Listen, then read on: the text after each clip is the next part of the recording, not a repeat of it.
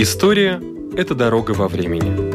Она уходит в седую древность, выводит в современный мир. Она показывает, рассказывает, объясняет. И не перестает удивлять.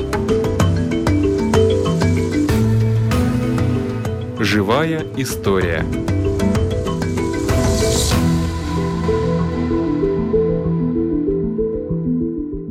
У микрофона Лидия Чера.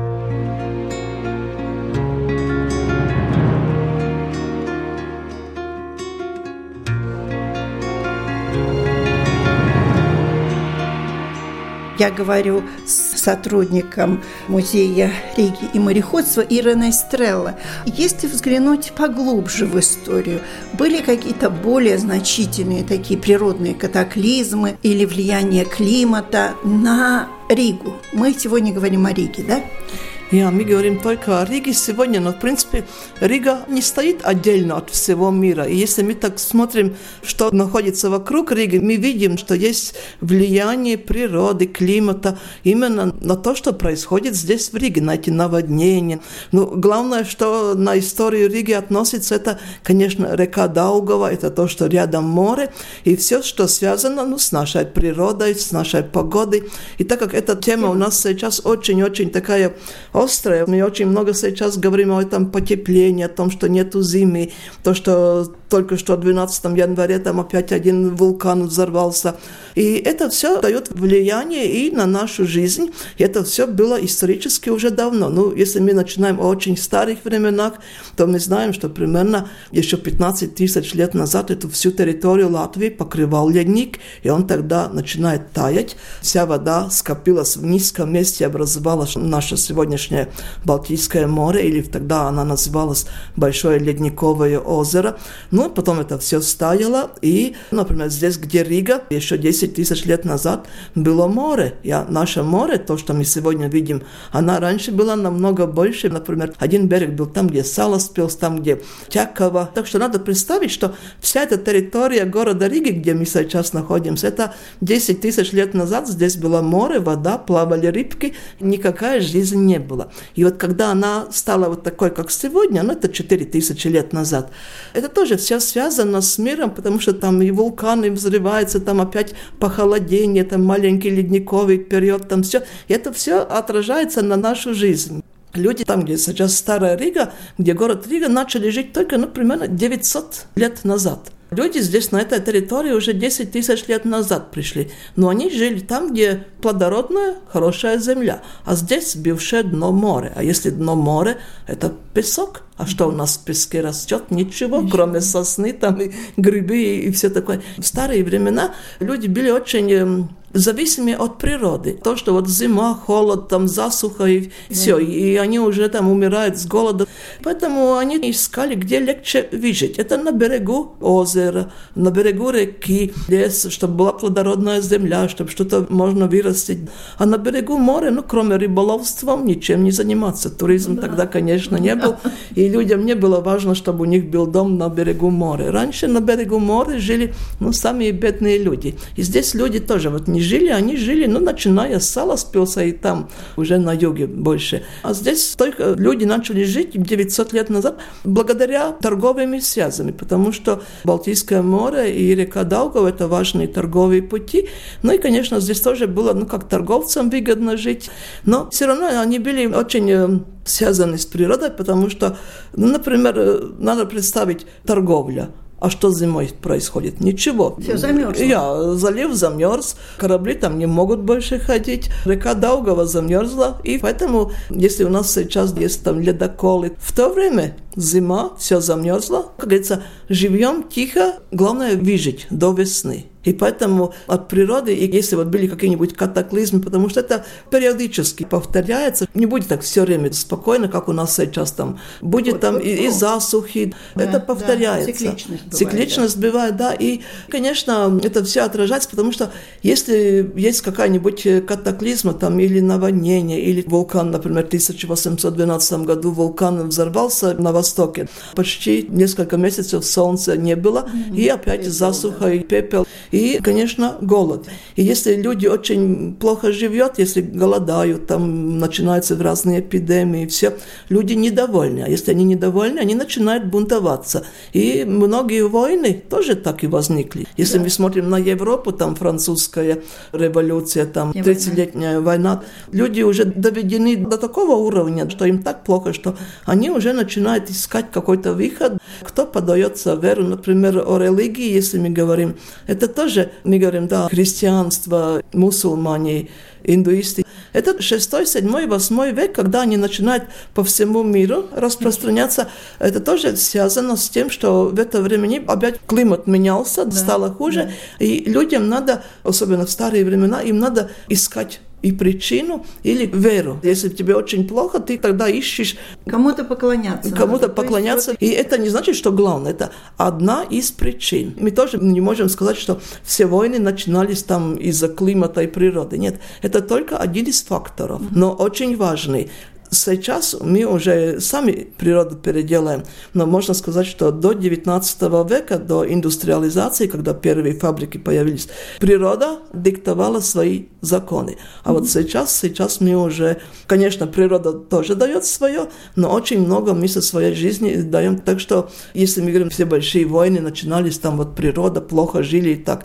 Но 20 век, Первая, Вторая мировая война. Погода, климат особо не меняется. У нас с 19 века это вот, не причина. Это, да. это уже не причина, да. Так что мы говорим сейчас, сейчас это все уже в наших руках. А вот там в старые времена, там действительно, если ты мог приспособиться к этой природе, тогда живешь. Это если так смотреть, начиная с древних каменного века еще дальше и дальше, и до наших дней очень много есть связей. Вы знаете, что история развивается по спирали. Получается так, 20 век, вы сказали, это война за передел мира была. Но, в принципе, сейчас, говорят, будет все равно война за воду. Воды в мире не хватает. И это тоже причина, чтобы воевать. Давайте не будем загадывать будущее. Да, не будем, потому что у нас воды вокруг очень много, и, да. и нам кажется, что на нас это не относится, то, что там где-то далеко нет. Но если опять смотрим в историю, например, пустина Сахары, ведь пять тысяч лет назад примерно, там была очень плодородная земля, и потом опять там меняется климат, начинается холод и засуха, и вся цивилизация, все люди оттуда уходят, и там образовалась пустыня. И у нас, если вот мы будем, у нас тоже, если вот сейчас все ледники растают, и тоже, возможно, будет или большие наводнения, как, как это было, например, 8 тысяч лет назад, тоже было, что в Америке ледник растаял, эта вся вода ушла в океаны, и уровень воды во всем мире поднимался ну, где-то до 120 метров. Когда, например, мы говорим о Ноаса Штирс в Библии, я, ковчег. Это воспоминание людей о этого ужаса, который проходил там 5000 лет назад. Вода, Я, когда да. поднималась вода, когда очень много земли, людей, все осталось под водой. Так что это все было. Ну и не дай бог, если сейчас Антарктида, там где-то весь ледник э, растает, я надеюсь, что... Нет, надеюсь, что нет. Надеюсь, что нет. Ну, ученые сейчас очень много изучают, потому что сейчас уже технологии очень развивались. Никто нас не хочет пугать, но надо вспомнить, где мы живем, и что природа и климат, конечно, на историю нашу очень большое воздействие делает. И в Риге действительно есть Хотя бы, например, тот же самый 17 век, когда было очень холодно, это у нас называется маленький э, ледниковый период. Самая холодная зима была в 1709 году. И в 1709 году зима была такая холодная, что весь залив Рижский замерз. Река Даугава до дна замерзла. А весной начинает идти лед а залив еще не растаял. И воде негде деться. И самое-самое большое наводнение в истории города Риги, когда уровень воды поднялся местами до 7 метров. И обычно бывает так, если наводнение, тогда все ворота, все оборонительные системы защищают города и от наводнений. Если там 3-4 метра, ну, Ничего. Не, ничего. Да. А если 7 и еще дальше, это, конечно, все проходит через эти земляные валы, что было построено. И наводнение очень большое. И в Домском соборе есть такая плита, которая гласит, что 1709 году, 13 апреля, уровень воды, ну и там показано, да, но да, мы да, сейчас да. говорим, да, это ну где-то до пояса, в то время это было уже там где-то почти 2 метра, потому что уровень повысился, сделанный повыше. Да, да. И опять, если большое наводнение, последствия есть такое, что на следующем году самая большая эпидемия чумы, потому что если наводнение, что она делает? Она вымывает захоронений. Во всех церквях, например, в Домском соборе, там же очень много, там три кладбища. Серое, зеленое и кладбище во внутри церкви. И, конечно, там же это все было вымито. И если там есть, например, захоронения, которые люди, которые умерли от эпидемии чумы, тогда, ну, на следующем году у нас не хватает то, что наводнение, что холодно, еще окружение русской армии, там 9 месяцев месяцев голод и все. Но, в принципе, как обычно, мы говорим, все несчастья приходят в одну кучу, одновременно. Это было все, что половина жителей города Риги от голода, от эпидемии, от всего умерли. Ну и природа климат дает свое, что разные вот такие вот войны, неполадки, там, недовольствие, это все тоже связано. Мы говорим, да, там полнолуние, там месяц, потому что климат тоже, он меняется, это связано тоже с солнцем, там тоже есть цикл, когда земля теплее, и тогда есть, когда она по эллипсе, она идет, да. уходит как-то подальше и, да. и становится холоднее, климат холодеет. Так что есть такие моменты, которых мы никак не можем ничего не можем поделать. Особенно исторически это действительно очень важно было.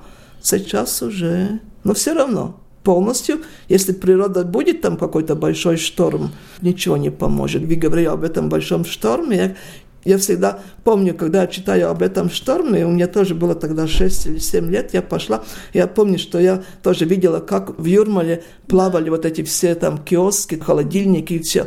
И когда я сейчас вижу в Юрмале, когда там построены вот эти стеклянные кафе, я думаю, вот будет такой несчастный шторм, ну, поплывут. они тоже поплывут. Так что не зря раньше люди на берегу моря свои дома не строили. Даже рыбаки дом всегда строили в дюнах, ну, не так, как у нас, чем ближе там с видом да, на море. Ну, не да, раньше... Повыше, я, повыше, повыше подальше, берегу, да. чтобы ветер и все. У нас все меняется. И как мы сейчас очень любим э, радоваться природе, ой, как красиво, там ландшафты и все. Это, в принципе, все начиналось только в 18 ну, в конце 18 века. До этого природа для человека это было что-то такое больше темное. Больше враг, чем друг. Я, больше враг, чем друг. Они там боялись там от лесов, от этих всех животных. Но выжить да. в этой природе было главное. А сейчас мы идем отдыхать в природу. Так что вот как меняется вот это все. Да. Например, э, 18 век. В 18 веке эти большие наводнения, самая холодная зима, чума. Это конец 17-18, это шведские времена, когда нам здесь идет польско-шведская война. Шведы воюют там, они владеют над всем Балтийским морем, там такая военная действие. Потом начало 18 века, Северная война, которая тоже связана вот с чумой, наводнением и так далее. Потом 19 век, в 1815 году опять один вулкан взорвался пожалуйста. И, конечно, 18 месяцев, можно сказать, была такая вулканистская зима. Зима вулканическая. Я, не было ни лета, ничего, и, конечно, опять и голод, и неурожай, и, и все такое. Был один художник в Англии, который рисовал то, что когда этот э, вулкан взорвался, в небе появилось очень много разной химии, и они были очень красивые облака разные, разноцветные. Ага. Солнце, когда встает и в закате, и на восходе. Очень красивые виды были. И был один художник в Англии, который всю жизнь это все рисовал, он, эти воспоминания. И когда мы смотрим, например, в Риге, у нас есть такой художник Фехелмс, который рисовал очень много видов города Риги, например, Ратушную площадь. И у него тоже, например, именно 1816 год. И Ратушная площадь, а там наверху над, над Ратушной площадью такие красивые тучи, такие, ну, Тоже розоватые. Да, такие розоватые. Если он в этом или 15-м, 16-м это все рисовал, возможно, он это, это тоже... видел. Он это все видел, это не только в Англии, что здесь тоже было. Это такое предположение.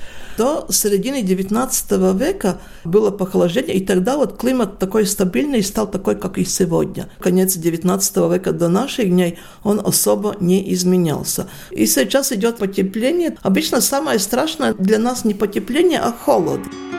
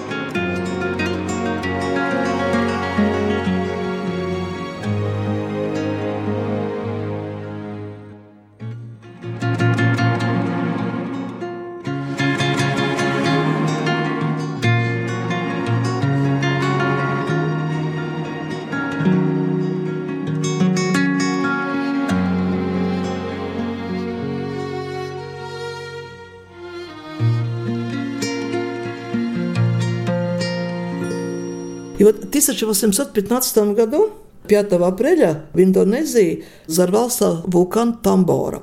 И это дал впоследствии весь мир пострадал от этого вулкана. И что у нас в Риге было, то, что тоже голод и урожай не был. И если люди очень ослабли, начинаются разные эпидемии. И да. тогда на всей территории Латвии в Риге начинается эпидемия холера. Холера, она была везде, там во всей Европе, но у нас тоже. В XIX веке после этого всего у нас в Риге было построено очень много артезийские колодцы, потому что врачи сказали, что одна из причин это то, что грязная вода, что люди пьют грязную воду, и они поэтому заражаются. И вот тогда вот, например, на Ратушной площади э, скульптура Роланда. Это артезийский колодец. И когда мы видим, было больше, чем 20 таких артезийских колодцев в Старой Риге и вокруг Риги было построено в центре. Пару из них еще можем и до сих пор видеть. Ну вот как улучшается. Или у нас самое главное, жизнь начинается, когда лед уходит из реки Даугави, тогда корабли могут зайти. И вот когда в 19 веке построили первые такие железные мосты, это был уже конец 19 века, если мы смотрим на железнодорожный мост, и рядом там есть такие пустые столбы. Да. Это был первый железный мост, которого построили в конце 19 века. И вы видите, как вот эти столбы, на которых стоит мост, они построены как ледоколы. Даугава ведь течет от Латгалы, да, да. и вот там есть такая, как треугольник построенный, да. а та часть, которая в сторону моря, она такая, как четыреугольник. Люди уже думают, что будет весной. И была очень красивая традиция, есть такие анкурники, те, которые работают на воде, есть у нас лочи, лоцманы, это да. люди, которые помогают кораблям зайти да. из моря да. в порт города Риги. Потом есть плостники. Плостники это... Это которые на плотах. На плотах работают да. и помогают помогают плоту дойти до порта города Риги. И потом еще есть анкурники. Это которые помогают остановить корабль? Нет, Нет, не корабль, а вот из России, из Беларуси сюда на баржах товар привозит. Да. И вот начиная от Тянгеракса до Старой Риги, эти плоты им помогали сюда дойти вот эти анкурники, как сопроводитель, потому да, что ведь да, много островов, мелкие глубокие места, чтобы они знали, как правильно дойти, где причаливаться и да, все, да. все такое. И вот тоже, вот когда весной лед ушел, тогда была такая традиция, что анкурник на лодке ехал на середину реки Даугави, в кувшине набрал воду реки Даугави, потом привез привез его на берег, и на Радужной площади там была ну, специальная представление, когда он этот кувшин с водой давал ратманам. Это торжественное открытие сезона баржи Когда Дауга уже свободна да, тогда, да, да? Что, да, что жизнь вернулась, что опять корабли приходят, баржи, что торговля продолжается. Это такое торжественное открытие этих всех работ. Я, это он... уже конец апреля, наверное. Уже апрель. Когда лед идет, тогда же очень высокий уровень воды, очень быстрое да. течение. Это очень опасно. И только самые лучшие эти анкурники, это был такой честь, что ты мог, опять ритуал. Потому что если мы об этой воде, такие ритуалы бывают, например, Вторая мировая война, помню. Да. Вот здесь они тоже воду привезли, как подарок э, ратманам давали. А вот во время Второй мировой войны, когда Красная армия дошла в 1944 году до моря, они же тоже в двух бутылках взяли воду из моря и отвезли Сталину, ну, как доказательство, что мы уже дошли да. до Балтийского моря, до Запада. Так что вот есть традиции, которые связаны вот с природой, с всякими такими, да. которые веками повторяются по спирали, как мы говорим, там 19-20 век, вот эти анкурники, возможно, это уже было, я думаю, уже из средних веков такие традиции. Да, там нету точные данные, это как майский граф, как... Я, я, я. Праздник, например, в Вацлаве. В Вацлаве это тоже э, есть голод. И, конечно, если люди голодают, они очень часто, им нет выхода, например, из визами, они идут в Ригу и искать, чтобы им помогали, чтобы еду давать, да. потому что, ну, Рига богатый город. И, например, э, опять был очень большой голод, и Рига не смогла принимать эти все голодающие, и они там, ну, за стенами города Риги, там очень много умирали. Например, мы знаем, что там, где галерея Рига, там же эти массовые захоронения очень-очень много. Ну и вот, э, когда заканчивается голод, тогда, конечно, народ делает большой праздник да. в Отславе и в Остславе, там по-разному, когда все, голод закончился, лето наступило, и там есть разные мероприятия, и так что... Традиции какие-то. Да, традиции связаны, вот, или после чумы там тоже, ну, как праздник. Ага. Есть очень плохо, и есть, что ну, надо как-то отпраздновать с природой. Ну, наш сегодняшний праздник Лигу тоже все связано с природой, языческий праздник, но в основе ну, этих всех да, праздников... традиции имеют очень древние. Да, как мы говорим, история, мы уже можем в каменном веке и еще дальше и дальше искать. Да.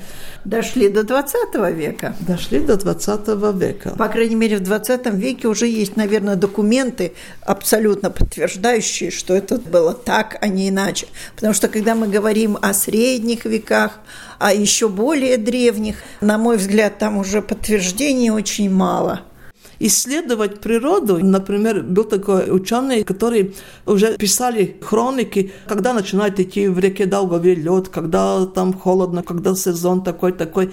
Это, в принципе, такие большие описи начинаются, ну, 18 ну, в принципе, 19 уже веке. Есть, да. Конечно, упоминания самые старинные, ну что, у нас самая древняя хроника – это летопись Индрит Ливонис хроник в 13 веке. И там тоже есть очень мало, но можно найти такие упоминания о том, как было здесь холодно или что люди делали. Как, например, вот этот, этот лед, как в реке Даугаве идет, когда лед уже ушел, тогда епископ Алберт могут здесь приехать на своих кораблях, а осенью он уезжает опять.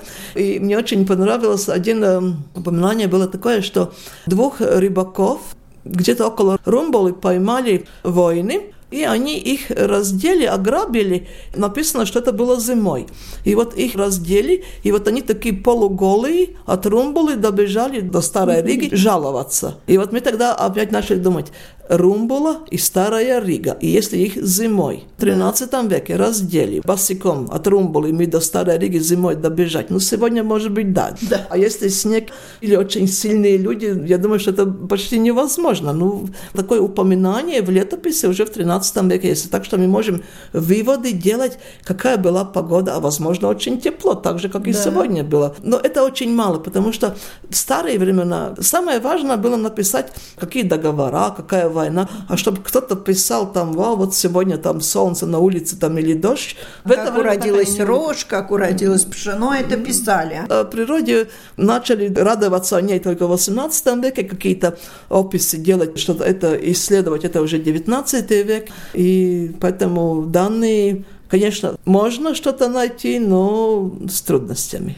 Ну вот как говорят, даже когда война, вот Первая мировая, Вторая мировая, тогда тоже жестокие зимы были. Эта тема мне тоже появилась только тогда, когда мы в прошлом году праздновали столетие Бермонтиады. И музей сделал такую небольшую выставку, посвященную столетию Бермонтиады. И там были собраны разные документы, и один из вариантов был тот. Ведь э, Бермонтиада, это вся война, обстрел правого и левого берега реки Даугави начинался уже в октябре. Но особо большая такая военное действие здесь не происходит, потому что есть мосты, и обстрел идет главным образом обстрел этих мостов, чтобы никто не мог перейти на правый берег. И что происходит в ноябре? Зима наступила и стало холодно. И река Даугава начинает медленно замерзать. И тогда, конечно, надо было ускорить этот процесс, потому что сторожи города Риги, стрелки, они все поняли, что если сейчас Даугава замерзнуть, тогда уже армия не через мост, где там колонной и всех да. обстрелять. Они будут нормально через да, реку Даугаву переходить. И поэтому 11 ноября это вот такое, что уже река Даугава замерзла, и организуется такой со всех сторон этот последний большой бой, когда с Болдера сюда приходят эти военные корабли, английские, французские, с пар Даугави сзади там Бумбукаунс, там уже латышские стрелки сзади нападают. Так что последняя точка была приложена, можно сказать, что это все ускорило погода холода, холод. Да. А до этого, может быть, они там еще, еще месяц бы там обстреливались. Один из факторов. Таких фактов ведь у нас много если это все сложить в одну кучу, и поэтому я так начала так, ну, смотреть, да. Я смотреть, как это все складывать, природу, наш климат, и то, что люди изменяют свою окружающую среду, климат, природу, мы можем сказать, это уже начиналось в 17 веке. Первые это были шведы, Густав II Адольф, когда он пришел, но первое, что он, например, рельеф реки города Риги изменял тем, что он э, скопал большую гору Кубескаунс, там, где сейчас художественная академия, там была большая песчаная гора. гора. Он ее э, скопал. Почему? Потому что, когда он завоевал город Ригу в 1621 году, он же э, сначала что он сделал? Он подошел к стенам города Риги, поднимался на эту гору Кубы, и вся Рига как на ладони ему. И вот когда он Ригу завоевал, он первое, что он сделал, он скопал эту гору, чтобы ну, следующий враг, который придет, чтобы он также не смог это сделать.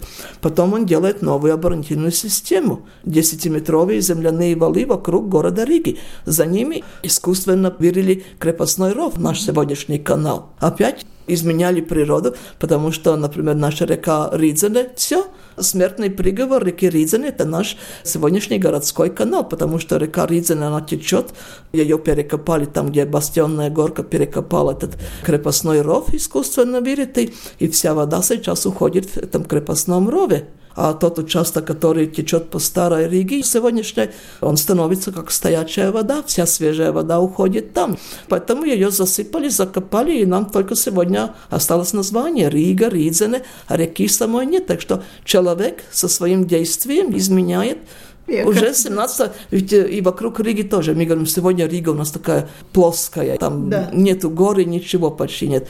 Но такого раньше не было. Это было как в Юрмале, песчаные дюны, бывшее дно море. Но люди это, можно сказать, это все сравняли, потому что дома строить ведь надо на ровном месте, а не на горе, чтобы это все падало. Рельеф мы изменяли.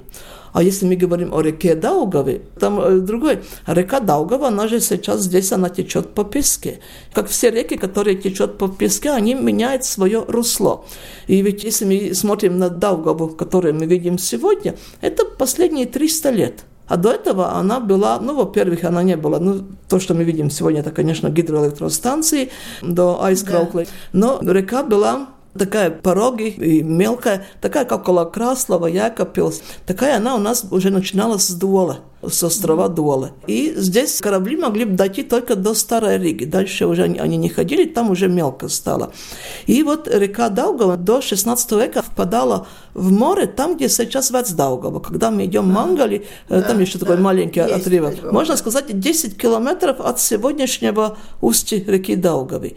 И когда есть большие штормы, вы видели, как на взморье есть реки, которые как э, шторм, так они меняют свое вот это место, где они впадают, там, ну, километр налево, направо, это нормально для них. Да. И река Даугава не исключение. В 16 веке есть большой шторм, и она себе сделала новую русло, там, где сейчас есть. И до 18 века были две русла, по которым корабли могли зайти или выйти в море. Вецдаугова да. и то, что у нас сегодня есть. И потом уже Вецдаугова медленно да. засорялась, и осталось только вот то русло, которое у нас сегодня есть.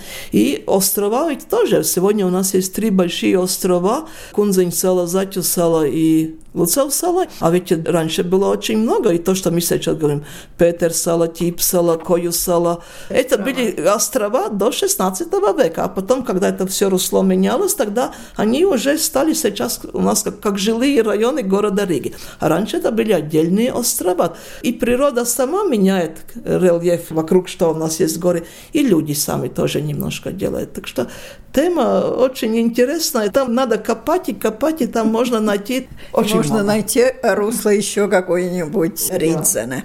Спасибо. У нашего микрофона была сотрудник музея Риги и мореходства Ирина Стрелла.